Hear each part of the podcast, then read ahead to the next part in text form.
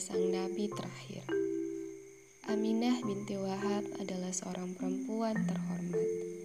Dia berasal dari keluarga yang sangat terpandang di Madinah.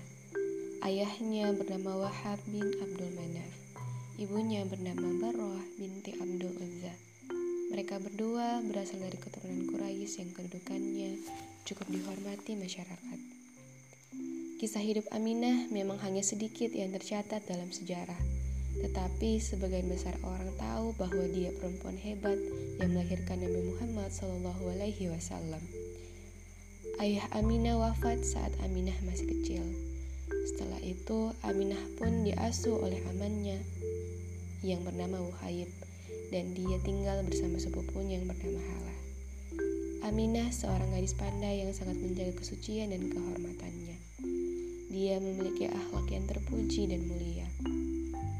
Ketika beranjak remaja, Aminah dilamar Abdul Muthalib untuk dinikahkan dengan Abdullah.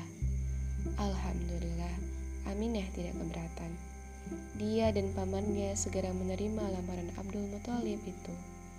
Aminah dan Abdullah pun menikah di Madinah. Orang-orang menyambut pernikahan Aminah dan Abdullah dengan sukacita. Mereka turut merayakan pernikahan suci itu dengan hati gembira. Aminah cantik dan akhlaknya terpuji. Abdullah tampan dan baik hati.